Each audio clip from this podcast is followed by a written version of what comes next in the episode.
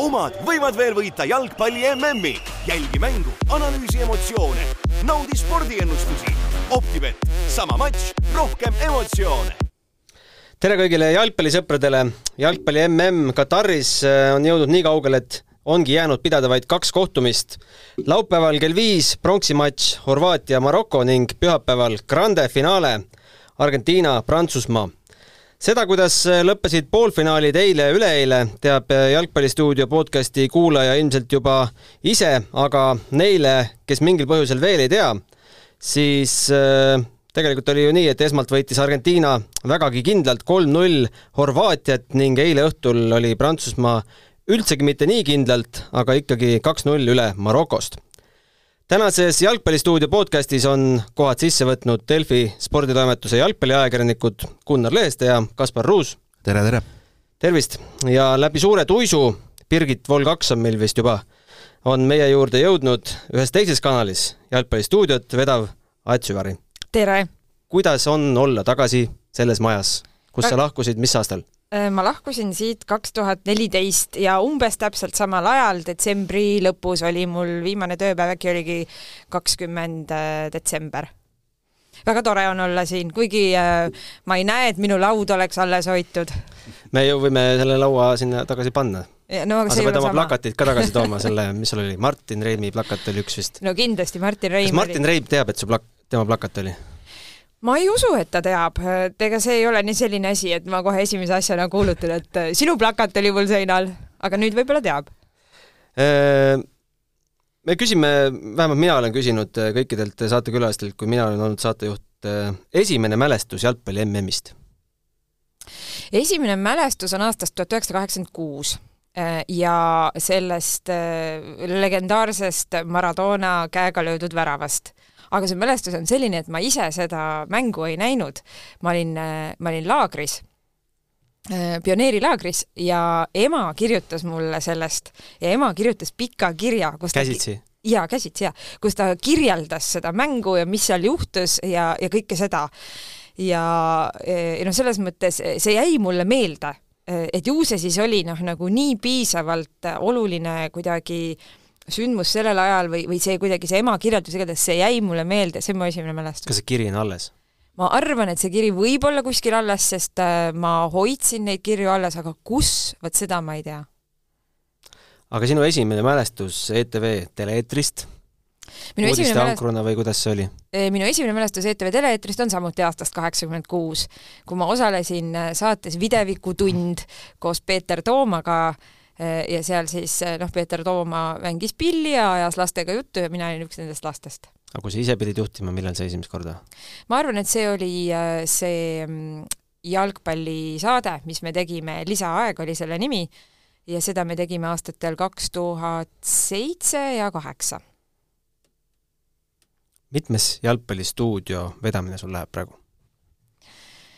Ehm, no põhimõtteliselt on see nagu neljas kord, aga mitmes neid, palju neid stuudioid kokku on, seda ma küll ei tea.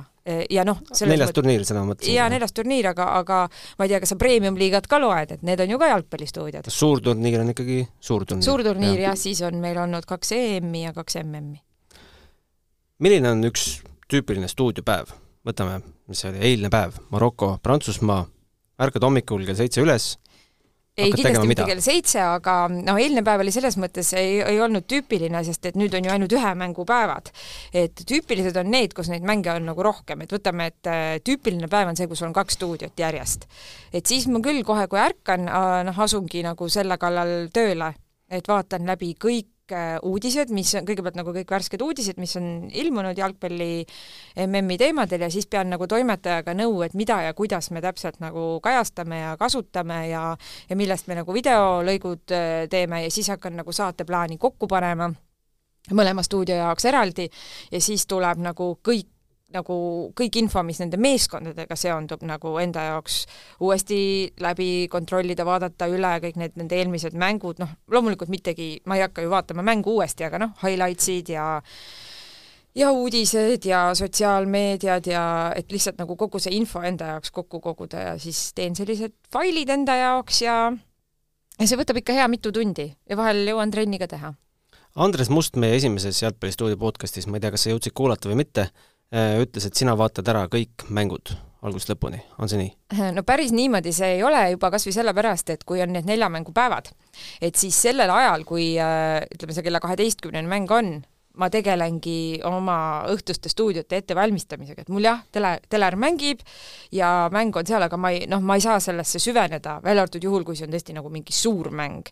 et siis ma muidugi süvenen, aga kui see on noh, reamäng, ma ei tea, Katar, Ecuador, siis ma, siis ma ei saa sellesse süveneda, et ta lihtsalt mängib kõrval. ja jällegi nende pärastlõunaste mängude ajal, mis seal kella kolme ajal olid, istusin ma Krimmi toolis, nii et ka jällegi, noh, teler käib, aga ma ei, ei vaata süvenenult. ma küsin selle kohe ära, mul läheb see ilmselt meelest ära, aga kas mängu ajal, kuidas valite taktikalaua hetke?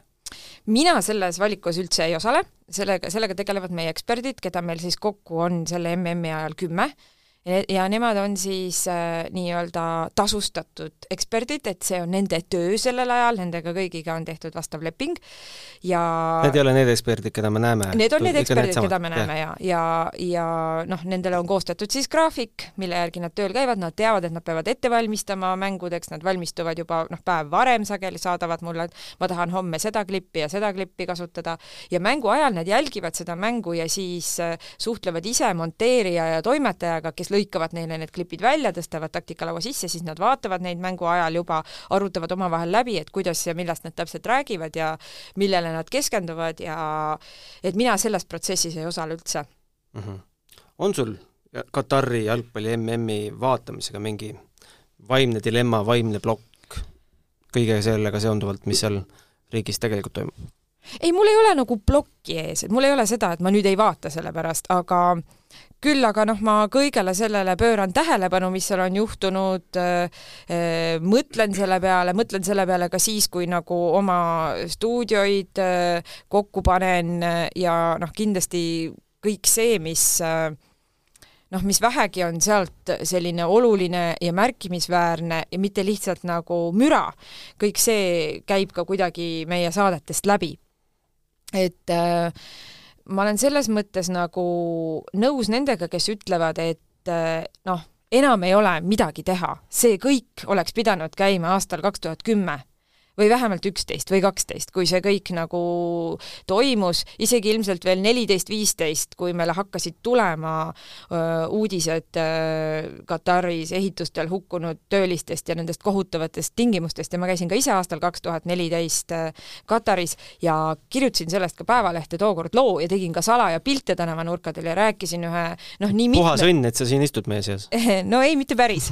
ma arvan, et ma mõjusin piisavalt kahjutuna, aga ma mäletan, ma tegin tegin vetsus intervjuu ühe Nepaalist pärit naisega, kes enam-vähem rääkis mulle sosinal oma kannatustest ja kui, kui kohutav see oli ja ja selles mõttes, et et siis oleks olnud see aeg, siis oleks pidanud sellest kõigest rääkima ja Katarilt selle korraldusõiguse ära võtma. aga nüüd, kaks nädalat enne, nädal enne või selle ajal on, on hilja. on hilja nagu protestida ja boikoteerida aga, aga noh, kahtlemata tuleb sellest rääkida ja iga asi, iga rikkumine tuleb panna suure kella külge. aga kiidame natukene teid ka, minul Alpelistuudiost äh, sel aastal eriti kuidagi väga mõnus tunne, nagu vaataks äh, päris välismaa jalgpallistuudiot, ainult eesti keeles, ma ei tea, Kaspar, kuidas sul? Äh, jaa, ma, mulle ka meeldib ja võib-olla kuidagi kuidagi sümboolselt mõjub ka sellepärast, et see on ju nüüd viimane kord hetkel ETV-s, et selle, sellepärast on nagu kohati isegi kahju vaadata, et näed, et järgmised turniirid enam ei ole ETV-s on teil endal ka kahju? no muidugi meil on kahju, et äh, kahju hakkas juba ammu, siis kui need uudised tulid ja, ja nüüd on iga päev on kahju ja ma arvan, et ma selle peale nagu ise ka kogu aeg mõtlen. aga mis puudutab seda, seda head õhkkonda, siis jah, noh, eks see ole ka üks asi, mida me oleme nagu katsunud kasva-, kasvatada, ehitada, kultiveerida ka kõik need suurturniiri aastad, millal me seda teinud oleme, et olemegi endale kasvanud, katsunud kasvatada seda ekspertide gruppi niinimetatud panditid siis, nagu nende kohta inglisekeelses maailmas öeldakse, et eesti keeles nagu sellist päris head vastet sellele sõnale ei olegi, aga et ütleme, et need on meie stuudioeksperdid ja need on siis need inimesed, kellega meil on tekkinud selline hea suhe, aga mitte ainult meil, vaid kellel on ka omavahel tekkinud selline hea keemia. ja ei ole ju saladus kellelegi, et eestlane ei ole selline small talk'i inimene, et tal selline, sedasorti sotsiaalne vestlus võib-olla ei tule alati väga lihtsalt. ja sellepärast see ongi asi, mida sa pead nagu kasvatama mitu-mitu aastat.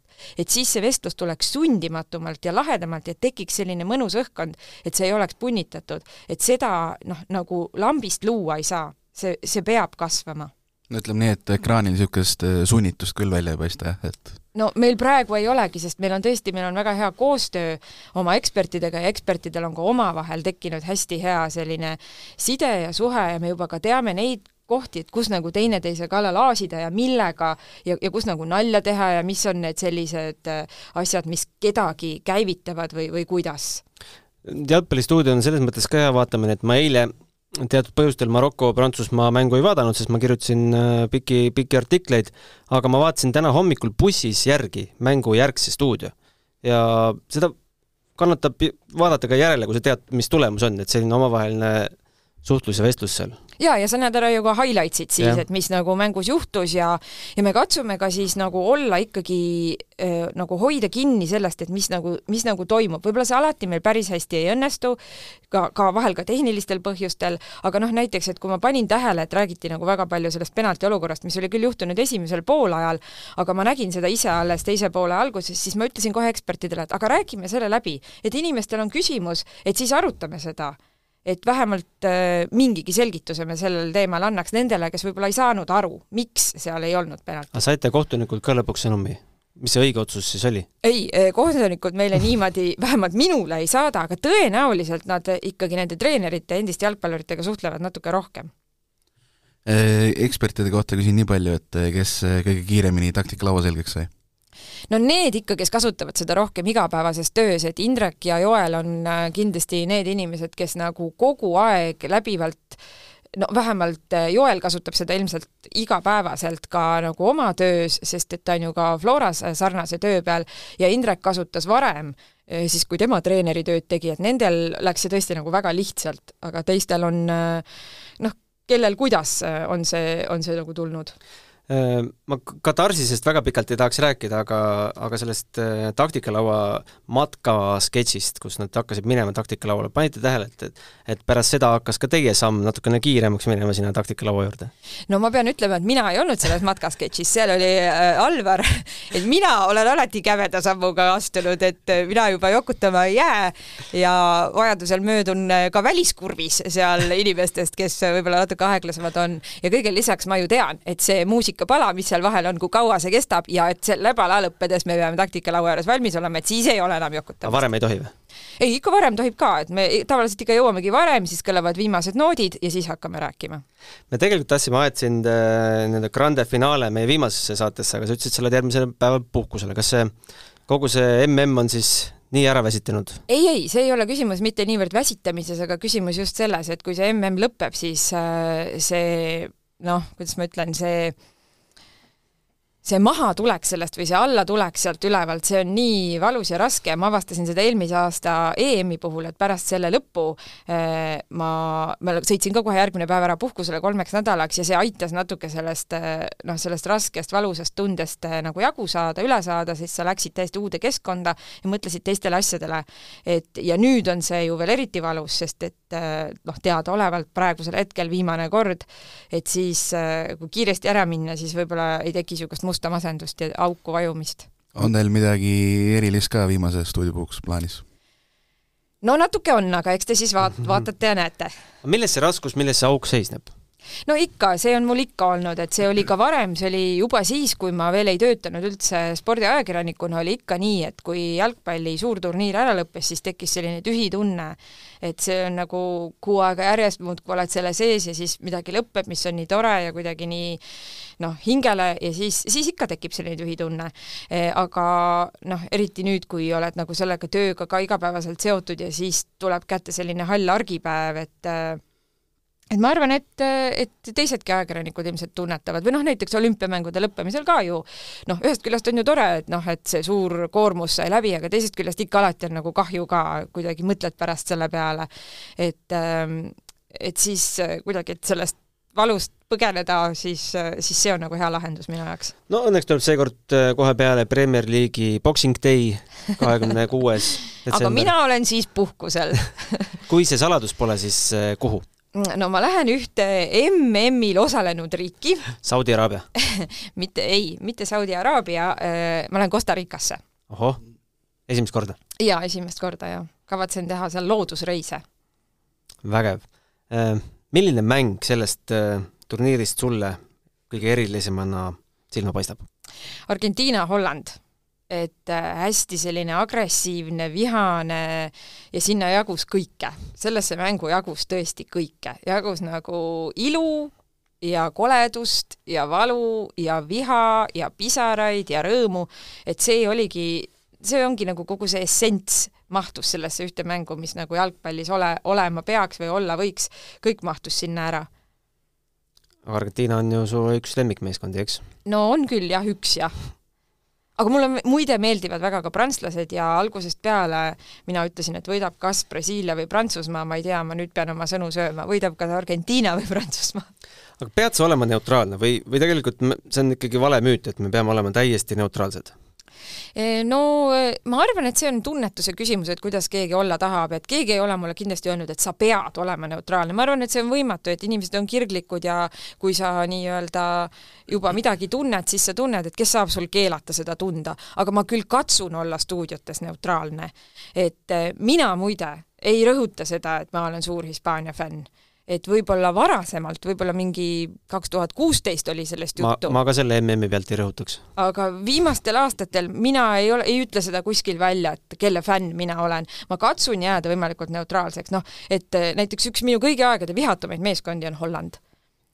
aga ma väidan, et stuudios ei saanud, ei saanud inimesed sellest aru Argentiina-Hollandi mängu puhul, et mängisid üks minu armastatum ja üks minu vihatum meeskond, sest ma üritan jääda selles olukorras neutraalseks, vähemalt nagu ekraanil, kaadri taga ma kindlasti neutraalseks jääda ei, isegi mitte ei ürita.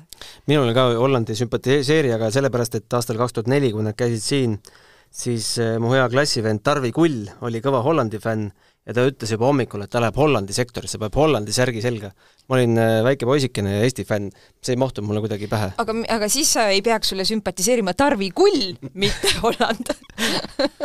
No mina olen just Hollandi fänn, ütlen siia kahe vahele. Vot ei, ma tean teisi päris toredaid Hollandi fänne veel, mulle lihtsalt nende meeskond väga ei istu ja ei istu juba noh, tõesti hallidest aegadest.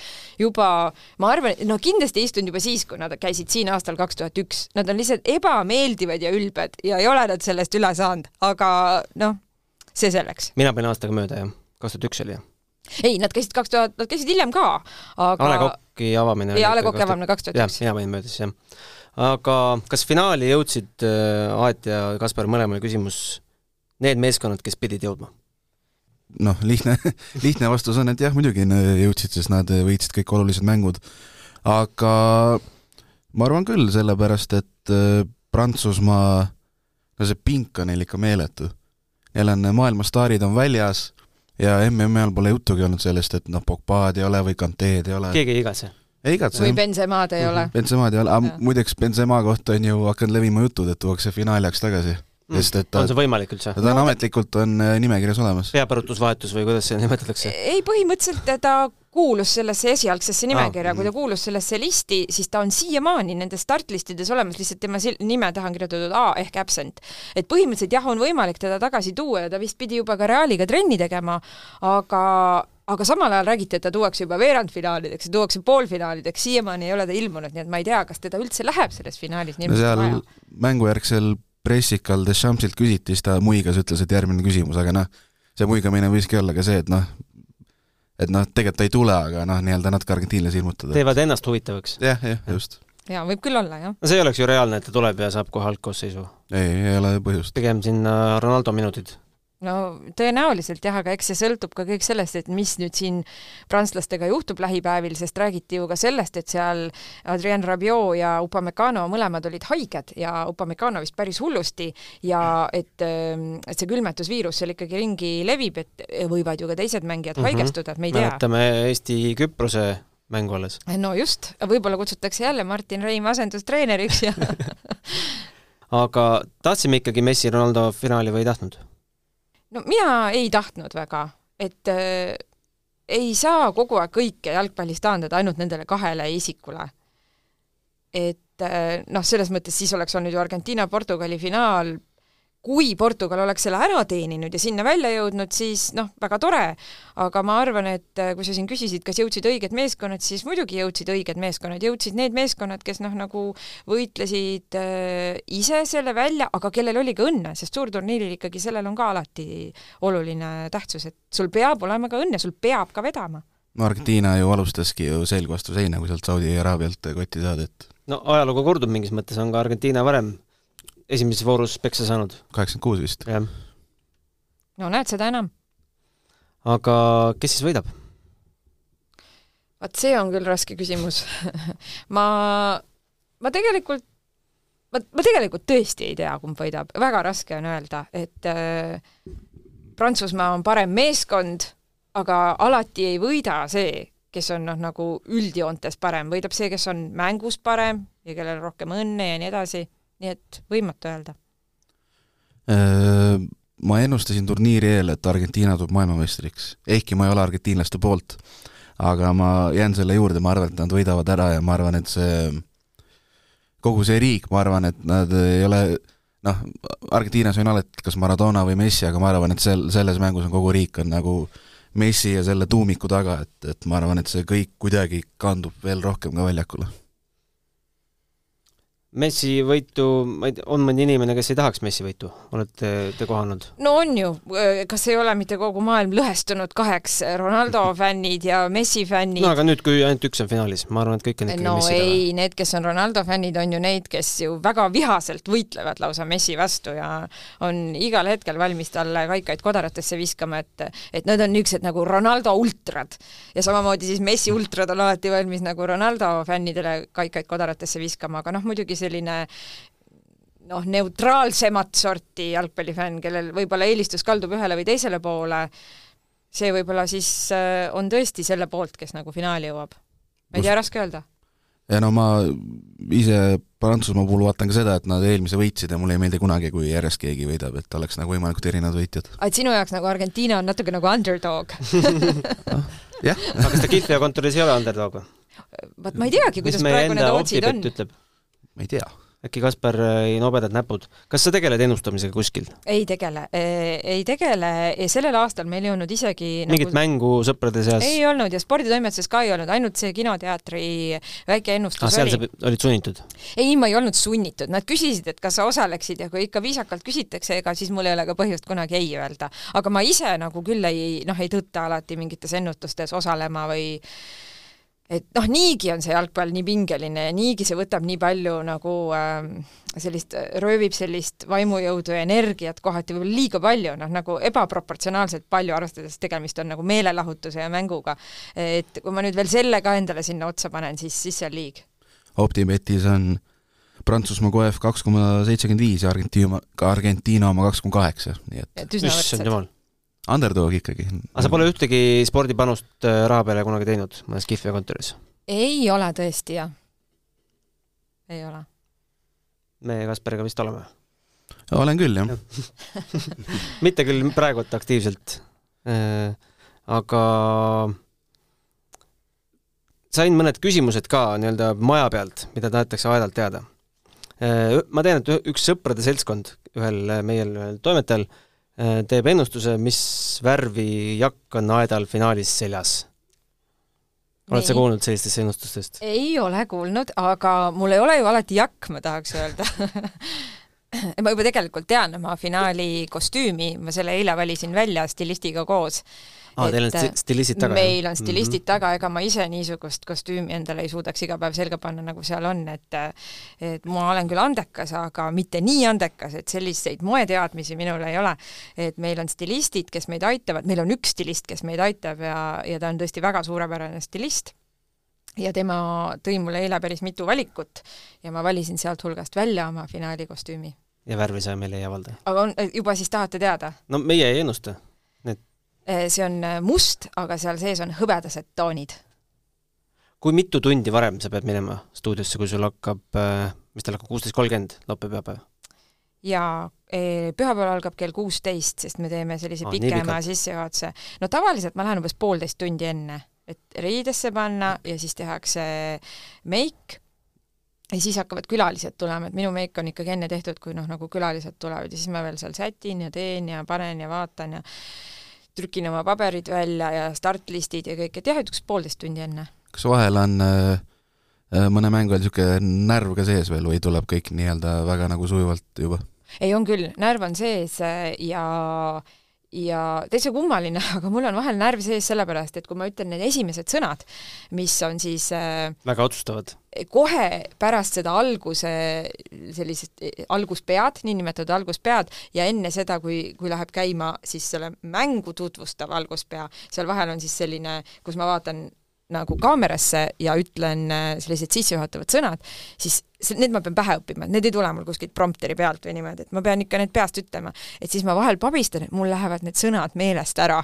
et see ajab mind võib-olla kõige rohkem närvi, aga kaks korda on seda ainult juhtunud, et mul on meelest ära läinud, et üldiselt ma ikka suudan üsna, üsna hästi need kolm lauset ära öelda aga ei improviseeri ükski, ükski kord, et? ei, ei, mitte kunagi ei improviseeri, sest siis äh, siis võib juhtuda igasuguseid asju, võid öelda jumal teab mida ja mingi vea ja kiilud kinni ja noh, alati on ikka hea, kui sul on need asjad nagu välja mõeldud, vähemalt mida sa tahad öelda, et noh, et kas just konkreetset sõnastust, aga et, et sa tead, et sa tahad öelda vot seda, seda ja seda. mis on suurim apsakas olnud, mis teil selle turniiri jooksul on juhtunud? otse-eetris kindlasti midagi juhtub võib-olla me ei näe seda kõike. kogu aeg juhtub, aga midagi noh, sellist nagu suurt apsakat ei ole, et selliseid väikesi asju juhtubki, et sa ütled midagi valesti, ütled näiteks, et äh, nüüd lähme teisele poolele, kuigi tegelikult lähme lisaajale, mingid niisugused, ütled, et et see on veerandfinaal, kuigi tegelikult on kaheksandikfinaal või noh, mingid niisugused sõnavääratused on peamised mul ei tule meelde, et meil oleks midagi väga kapitaalselt, vahel ajad mingi nime segi või ütled, et siin on nagu see kaitse, kuigi tegelikult on too kaitse, aga noh, niisuguseid asju ikka tuleb ette, et pika saatepäeva jooksul midagi mul ei tule ette, et meil oleks midagi nagu kapitaalselt läinud mööda või valesti, vale fail läks käima, aga noh, see on ka jällegi tavaline. kas te fännikirju saate? saame. mis kujul? Äh, tulevad äh, siis äh, üldmeili peale või minu enda meili peale või Messengeri tulevad või Twitterisse, et tuleb küll solvavaid kirju tuleb ka, heiti tuleb ka. tuleb seda liiga palju? ei, ei tule üldse.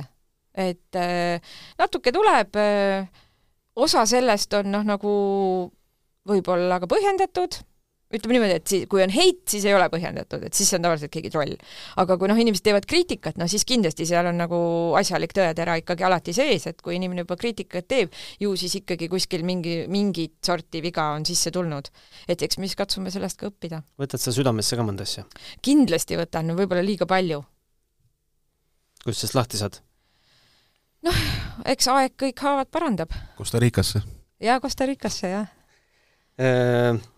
finaalipäevast ja küsimustest rääkisime, no klassikaline küsimus, see kahe kella teema ka ikka, räägi, räägi siin ka ära no nii, kahe kella teema ja ma ei tea, kuidas see on saanud selliseks suureks folklooriks. see oli Sokkerneti ristnurgas eelmisel aastal. oli ja, aga juba siis sellest nii palju räägiti ja Twitteris räägiti ja ma ei tea, ajakirjanikud helistasid, tahtsid teada, miks, et ma kannan igapäevaselt kahte kella ja mitte kunagi keegi minu käest niisama ei küsi, et kuule, et miks sul kaks kella on, aga miskipärast, kui sa nagu ekraanile lähed, siis see on kohe nagu huvitav. no niisama meil pole näha, sul on kampsun peal. aga suvel?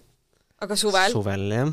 noh et äh, igatahes äh, üks kell on äh, kell, mis mulle kingiti kolmekümnendaks sünnipäevaks ehk et äh, siis peaaegu et alles äsja. mis oli eelmisel aastal? nojah, enam-vähem et ühesõnaga, see kell on mul ikkagi juba olnud, see on mulle väga armas, äh, kallis kell, äh, hea Šveitsi kell, mida ma väga armastan, see on mulle emotsionaalselt tähtis ja ta on natuke nagu ikkagi ka niisugune minu stiil ja, ja disainielement. ja teine kell on siis klassikaline spordikell, mis loeb pulssi ja samme ja ja jälgib und ja, ja kõike muud, et kuna ma olen ka väga väga pühendunud äh, sammude tegija, siis äh, mul on seda stuudios juba kas või sellepärast vaja, et näha, et kas ma oma sammud täis saan. mitu sammu päevas? kümme tuhat. et äh, kui mul on selline päev, kus ma ei jõua trenni teha, istun näiteks ainult arvuti taga, kas ma pean stuudios ka mängu ajal hoolsalt sammuma.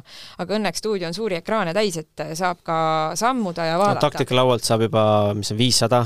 no jaa, seal on juba päris palju, kui noh, see stuudio on ju suur, et kui sa seal ikka nagu ringi teed, siis sa jõuad oma kümme tuhat ära teha. aga mõlemad näitad aega?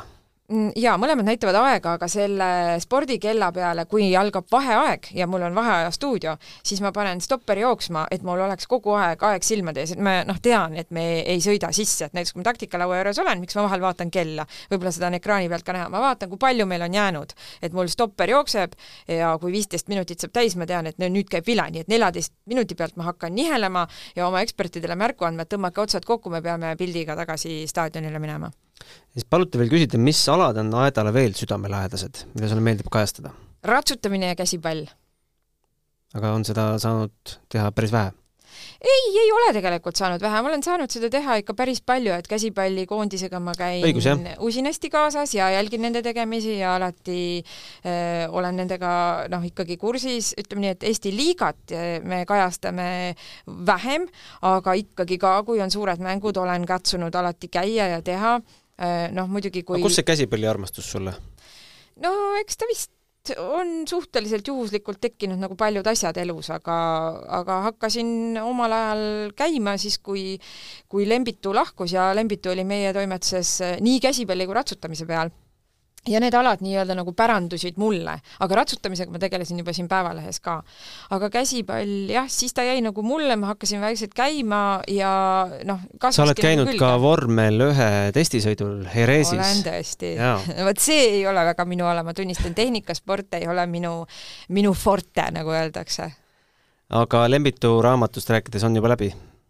ei, ei, ma siin MM-i ajal ei ole jõudnud lugeda äh, mitte midagi peale ainult selle, mis siis puudutab nagu jalgpalli MM-turniiri et ma isegi ei ole veel lugema hakanud ja ei ole ka Eesti seda jalgpalli ajalugu lugema hakanud, mis Indrek Švede ka meie toimetusele tõi, et kohe, kui Costa Ricast tagasi tulen, siis äh, alustan nendega. Costa Ricasse ei võta kaasa erialast kirjandust? Need on liiga rasked ja erinevalt nendest äh, Kataris olnud fännidest, kes saavad lõvi pea oma pagasisse panna, et minu pagasi no on ikka, seal on mingi piirang peal, et ma ei saa neid raskeid raamatuid tirida. minul on selline küsimus, miks Aet äh, ei kommenteeri ise jalgpalli? Ma kommenteerin naiste jalgpalli, et äh, kui suvel oli naiste EM, siis seda ma kommenteerisin ka finaali ja samuti äh, nüüd äh, järgmisel suvel tuleb naiste MM ja ka siis loodan kommenteerida mõningaid mänge. miks ma meeste mänge ei kommenteeri, ma arvan, et meil on nii tugevad kommentaatorid ja mina ei ole tugev kommentaator, sest ma olen selles asjas alles täiesti algaja. et ma alles õpin seda, aga ma arvan, et MM-il peaksid olema ainult noh, parimad, oma ala parimad peaksid sellega tegelema, et noh, mis mõtet on minul sinna trügida, et parem siis juba alustada premium-liigast, hakata vaikselt sealt liikuma, aga seal ma olen ka rohkem nagu stuudiotöö peal olnud ja, ja, ja lihtsalt ei ole selle kommenteerimiseni nagu jõudnud. kas mu andmed on õiged, et Vedrul ja Remmelil on MM-i debüüt? jaa. või suurturniiri debüüt üldse? E, kas nüüd, no Remmelil on kindlasti suurturniiri debüüt ja Vedru puhul äh, ma ei tea ähm, ma ei tea, kas ta näiteks võrkpalli no jalgpalli, aga jalgpalli puhul jah. kuidas te nendega rahul olete?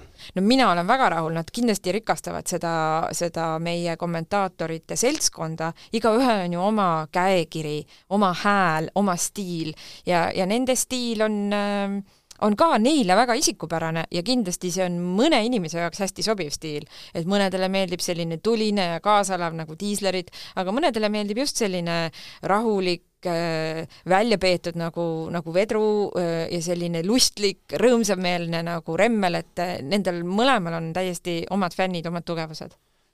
Mis mul meelde tuli, ma tahtsin kiita selle eest, et Teil on nüüd kaam-, on ka kaamera seal eh, kommentaatorite pukis oh,, et sealt on päris sotsiaalmeedia hitid. sealt on päris ägedaid klippe saanud ja noh, mina ise olen just niisuguse diisleri stiili austaja, et eh, karju ja emotsionaalne, et sealt on päris ägedaid klippe on tulnud. ja sealt on tõesti tulnud, see on niinimetatud kakukaamera ah..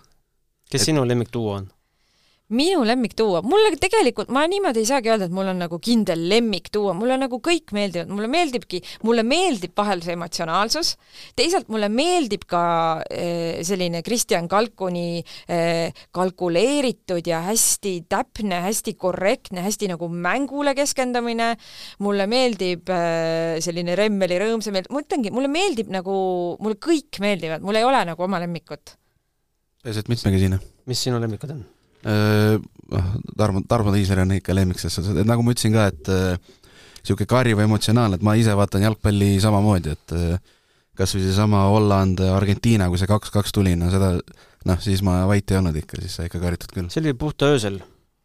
jah ja., see oli päris hilja, jah mm. -hmm. ma mäletan, mul laps, kes on suur Messi fänn, äh, nüüd ta vahetas klubi, enam kahjuks number kümme ei saa olla, äh, läks magama teadmisega, et kaks-null on ma hommikul, hommikul rääkisin siis aga noh, ikkagi hommikul oli tal ikkagi hea meel, ma arvan, kokkuvõttes. jah, aga minul on ikkagi Tarmo ja Markus. ma arvan, et Markus tuleb teil ikkagi võtta ju päris palgale. nojah, aga kui me nüüd enam suurturniire ei tee, et siis äh, mis meil sellestki kasu? aga kuidas te siis järgmist äh, MM-i, EM-i kajastate, hakkame vaikselt kokku ka tõmbama? ma ei tea ausalt öeldes, et see on ilmselt rohkem küsimus ülemusele, kes on nende asjadega kursis, et eh, mis, eh, mis õigus meil üldse jääb ka näiteks nagu uudistepõhiselt seda kajastada, ma ei oska seda praegu öelda. et eks seda siis kõike näe. tuleb teil pühapäeval lõpupidu? jaa, tuleb jaa. pärast äh, finaali? jah. hommikuni välja?